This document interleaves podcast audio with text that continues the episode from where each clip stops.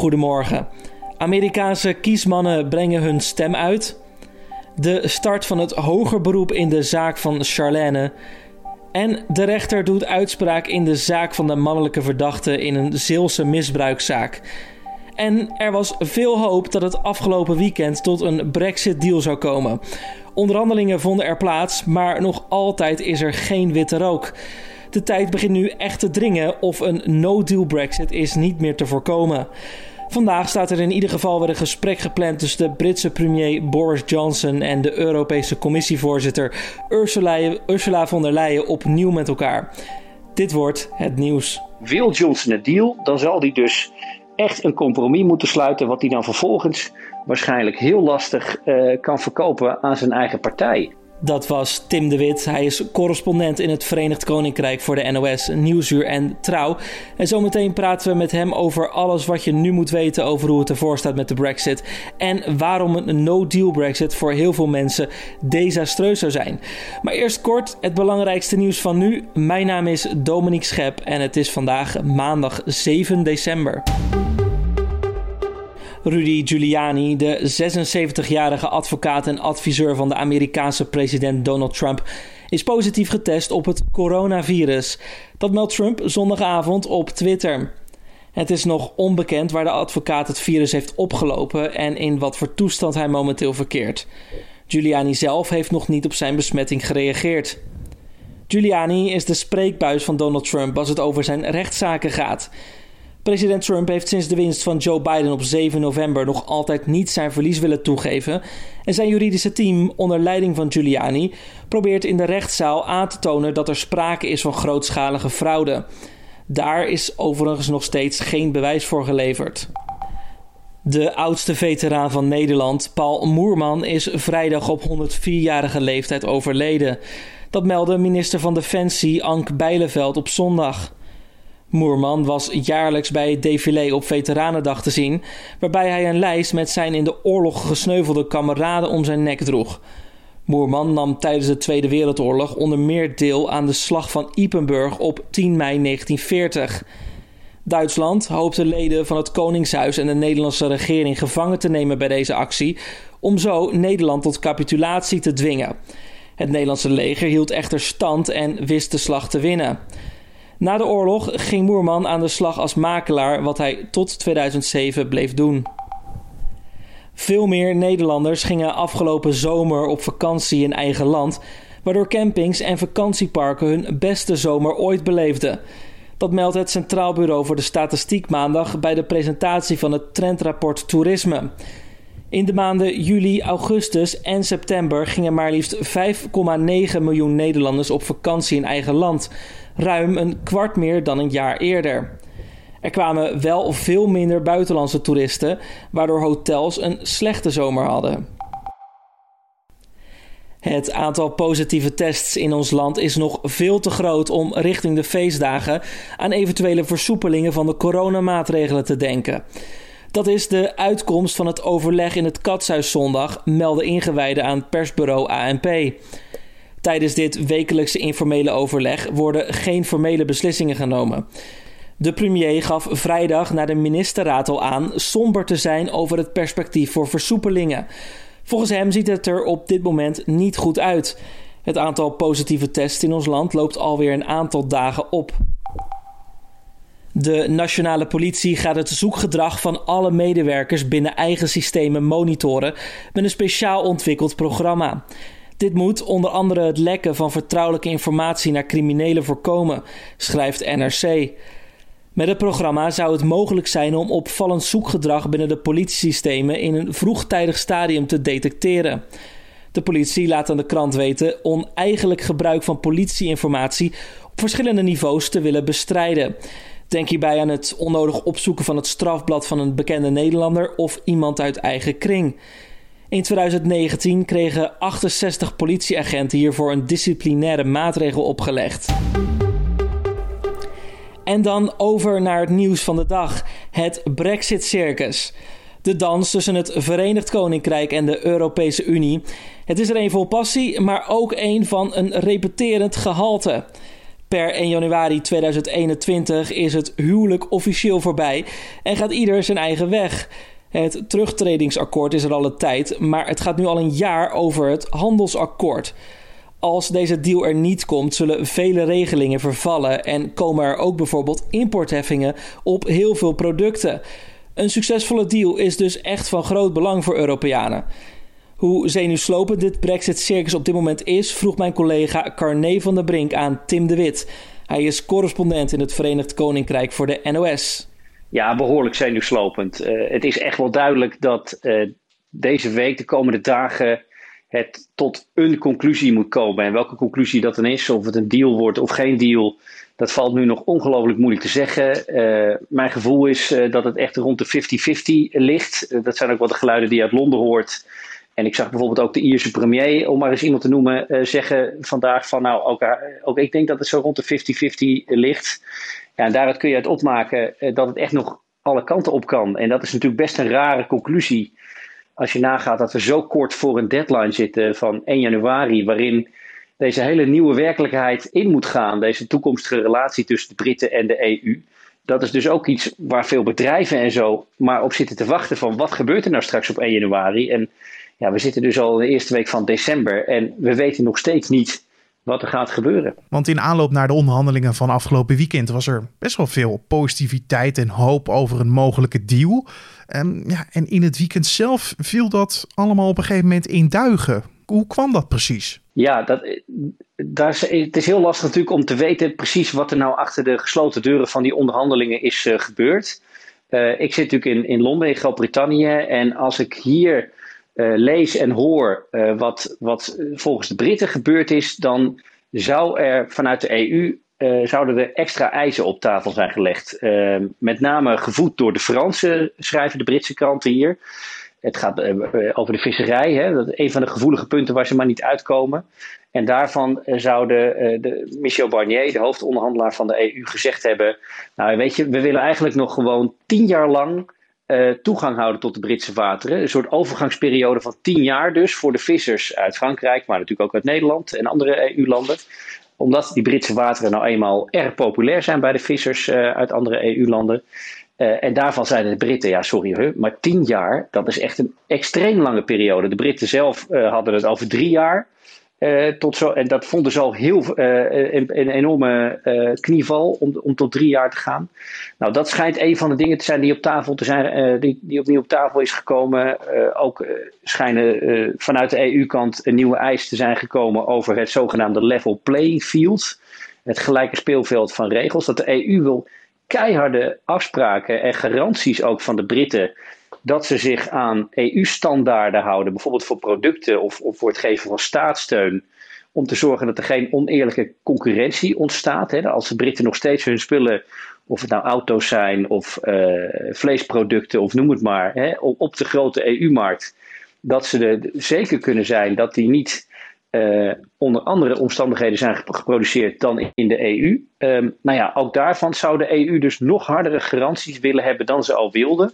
Maar ik zeg erbij, dat is het Britse verhaal. En in zo'n slotfase, als we vlak voor een ontknoping zitten, dan gaat dit natuurlijk ook gepaard met heel veel politiek theater, met heel veel spin. Uh, hè, want vanuit de EU-zijde klinken totaal andere geluiden. Dus daarom is het ook heel moeilijk te lezen wat er nou exact natuurlijk aan die onderhandelingstafel uh, gebeurt. Mijn gevoel is wel, als ze echt vlakbij een deal zouden zijn, ja, dan had ik wel verwacht dat de, de, toon van de muziek, zou ik maar zeggen, iets anders zou klinken. Uh, nu voel je toch echt nog wel dat ze behoorlijk ver uit elkaar, zijn, uh, uit elkaar liggen. Denk nog even aan het gesprek van Boris Johnson en Ursula von der Leyen, de voorzitter van de Europese Commissie, afgelopen zaterdagavond. Daar kwam een hele korte, zakelijke verklaring naar buiten. Uh, geen enkele warmte, geen enkel optimisme ook. Vooral erkennen dat ze nog ver uit elkaar lagen. Ja, dus daaruit maakte ik wel een beetje op dat, ze, dat het nog behoorlijk vast zit in elk geval. Er wordt namelijk ook gezegd, uh, het handelsakkoord ligt al voor 95% helemaal klaar. En die overgebleven 5% of iets meer, is nog steeds een discussie. En dat zijn ja, toch wel de discussiepunten die al maanden of misschien zelfs een jaar al uh, tot grote problemen zorgen. Ja, dat is eigenlijk ook um, waarom dat getal van die 95%, dat klinkt zo van we zijn er bijna, hè, de eindstreep is in zicht. nou, we doen die laatste 5% nog even en het is klaar. En je zou bijna denken als buitenstaander van waar maken ze zich druk om? die deal komt er gewoon. Maar het punt is dat die 5% zijn nou exact de onderwerpen waar ze het al het hele jaar over hebben. En sterker nog, op die 5% zijn ze ook het hele jaar nog niet dichter bij elkaar gekomen. Dus het, is, het geeft een heel vertekend beeld. Die andere 95%, daar konden we ook van tevoren ook wel verwachten dat ze daar gewoon uit zouden komen. Of het nou over afspraken gaat over de luchtvaart of over uh, afspraken over uh, het uitwisselen van informatie uh, tussen veiligheidsdiensten of samenwerking op defensiegebied. Nou, dat is allemaal in ieders belang. Dat, dat, dat snappen ze allemaal heel goed. En daarvan dacht ook iedereen wel, hier gaan ze gewoon redelijk makkelijk doorheen. Maar het zit hem dus al maandenlang in diezelfde issues. En dat komt omdat die gewoon de kern van Brexit raken. Kijk, de visserij, het, het weer echt baas zijn in de eigen wateren. Dat is voor de Britten een soort symbool van weer onafhankelijk zijn. En als je daar dus uiteindelijk in het akkoord enorm op moet toegeven als Boris Johnson, ja, ga dat maar eens thuis proberen te verkopen. Ga dat maar uitleggen aan je achterban. En we weten natuurlijk hoe die achterban van Johnson in elkaar zit. Zeker in zijn eigen partij. Daar heb je tientallen radicale Brexiteers hè, die het liefst helemaal geen deal willen. En als er dan al een deal is, dan willen ze wel duidelijk voelen dat de Britten zoveel mogelijk onafhankelijkheid uh, hebben gekregen. Dat ze dus niet nog onder een soort EU-juk zitten straks in de toekomst. En ja, daarom is dit dus ook zo ingewikkeld voor Boris Johnson. Als hij al een deal wil, uh, en zeker als je dus kijkt naar de situatie, hoe die nu is, dan zal die dus op die knelpunten die er nog zijn, echt toe moeten geven. Uh, de EU stelt zich daarin natuurlijk ook heel hard op. Ja, en daarin ligt dus een beetje uh, nu de oplossing. Wil Johnson een deal, dan zal die dus echt een compromis moeten sluiten, wat hij dan vervolgens waarschijnlijk heel lastig uh, kan verkopen aan zijn eigen partij. En uh, dat is een beetje de ingewikkelde keuze, de ingewikkelde spagaat waar hij in elk geval in zit. Um, en als hij dat dus niet doet, als hij zegt: Oké, dit gaat me te ver, hè, als, ik moet nu zo'n sprong richting de EU maken, dat kan me misschien wel mijn eigen kop kosten in eigen land, ja, dan is gewoon de conclusie dan wordt het no deal. Met alle andere gevolgen natuurlijk weer van dien. Want je moet je voorstellen, het is bijna ongelooflijk. Maar we zitten hier natuurlijk in een gigantische economische crisis dankzij de corona-uitbraak.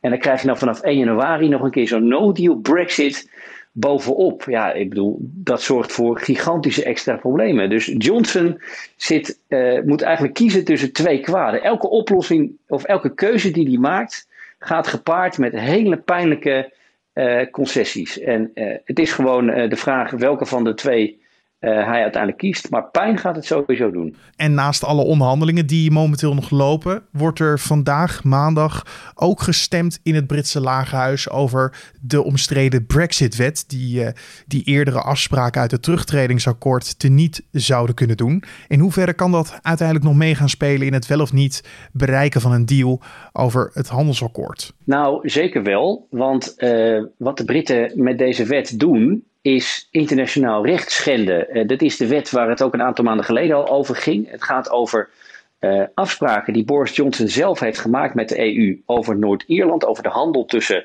Groot-Brittannië, dus dan Engeland, Schotland en Wales, en Noord-Ierland. Officieel komt er een soort grens in de Ierse Zee te liggen. Um, oftewel, producten die van Engeland naar Noord-Ierland gaan, moeten straks gecontroleerd worden. Noord-Ierland moet dus veel meer EU-regels volgen dan de rest van het Verenigd Koninkrijk. Dat was de afspraak. En nu hebben de Britten dus een wet geïntroduceerd waarin ze zeggen: ja, sommige van die afspraken over Noord-Ierland, uh, daar willen we vanaf. Dus die willen we overrulen met een eigen wet. Nou, daar was in januari, sorry, daar was in september al veel over te doen. Uh, de EU is zelfs een juridische procedure gestart daarover. Um, het Hogerhuis, de Britse Eerste Kamer, heeft die wet toen weggestemd. Maar nu komt die, komt die wet toch weer terug. Johnson en zijn regering hebben besloten: we gaan het nog een keer proberen. Die wet komt weer in het Lagerhuis. Dus dat is een verdere aantasting van het vertrouwen, wat natuurlijk al heel broos is tussen de EU en de Britten. En nou, Johnson doet dat natuurlijk niet voor niks. Hij zet daar de boel nog verder mee op scherp. En waarom doet hij dat? Kijk, stel dat de EU uiteindelijk de stekker trekt uit die onderhandeling en zegt: met jullie valt niet meer te praten dan kan hij in het geval van een no deal de EU de schuld geven van het feit dat het misgaat. Dus hij werd in die, in die zin op twee paarden. Ofwel er komt een akkoord, en als er een akkoord komt, dat is ook al duidelijk, dan zullen de omstreden clausules uit die wet waarschijnlijk worden ingetrokken. Ofwel er komt geen akkoord, en dan hoopt hij dus dat hij de EU daarvan de schuld kan geven, zodat hij zichzelf politiek in elk geval kan redden. Er is dus nog een hoop onzekerheid en de tijd begint nu echt te dringen met nog maar een paar weken tijd. Ehm, ja, hoe, hoe kijkt het Britse volk hiernaar? Ja, je merkt nu dat de aandacht voor Brexit weer behoorlijk aan het toenemen is. En dat het uh, weg was de afgelopen maanden heeft natuurlijk alles met corona te maken en is in die zin ook wel begrijpelijk, want ja, de impact op ieders leven is natuurlijk gigantisch en Brexit voelt dan een beetje als een ver van je bed show. Maar nu die deadline van 1 januari, die, het moment dat het dus echt ook allemaal gaat gebeuren, steeds dichterbij komt, merk je nu eindelijk weer dat de aandacht uh, behoorlijk groot is. En ik zag in een opiniepeiling dat uh, een meerderheid van de Britten het liefste een deal wil. Uh, en dat is ook wel begrijpelijk als je natuurlijk kijkt naar de verhalen uit het bedrijfsleven. of nou autobedrijven zijn, of de transportsector, of, of de landbouwsector. Daar zijn echt grote zorgen als het op no deal aankomt, of ze nog wel kunnen voortbestaan, of ze dat wel gaan overleven. Zo groot kunnen de economische consequenties zijn. Maar vraag je vervolgens aan de Britten: denken jullie ook dat er een deal komt? Dat vond ik wel opvallend om in de krant te zien. Dan denkt inmiddels een kleine meerderheid dat het niet gaat gebeuren. Dus het vertrouwen in een goede afloop, of in elk geval een afloop met een akkoord, dat is niet eens zo vreselijk groot onder de Britten. Dus uh, dat geeft wel een beetje aan hoe het gevoel hier is momenteel. Dat was Tim de Wit, correspondent in het Verenigd Koninkrijk voor de NOS, Nieuwsuur en Trouw. En hij sprak over de brexit met mijn collega Carne van den Brink. Dan nog een kijkje in de nieuwsagenda voor deze dag. Na de presidentsverkiezingen van 3 november komt Amerika maandag weer een stapje dichter bij het presidentschap van Joe Biden. Vandaag stemmen de 538 zogeheten kiesmannen voor de benoeming van de president. 306 van die kiesmannen stemmen op Biden, 232 op Trump. Op 6 januari stelt het congres die uitslag formeel vast, waarna Joe Biden op 20 januari geïnaugureerd kan worden. En in Assen start vandaag het hoger beroep tegen Helene J., de moeder van het in 2015 overleden meisje Charlène uit Hogeveen. Charlène was acht jaar toen ze levenloos onderaan de flat waar ze woonde werd gevonden. Het is nog altijd een raadsel of ze door haar moeder werd gegooid, zelf was gesprongen of was gevallen. In eerste aanleg eiste het Openbaar Ministerie 10 jaar, maar de rechter sprak haar vrij. Daar nam het Openbaar Ministerie geen genoegen mee. En nog meer rechtspraak vandaag. De rechter doet namelijk vanmiddag uitspraak in de zaak van de mannelijke verdachte in een Zeelse misbruikzaak. Een man en een vrouw worden verdacht van het verkrachten en laten verkrachten van de twee dochters van de vrouw en hun vriendinnetje.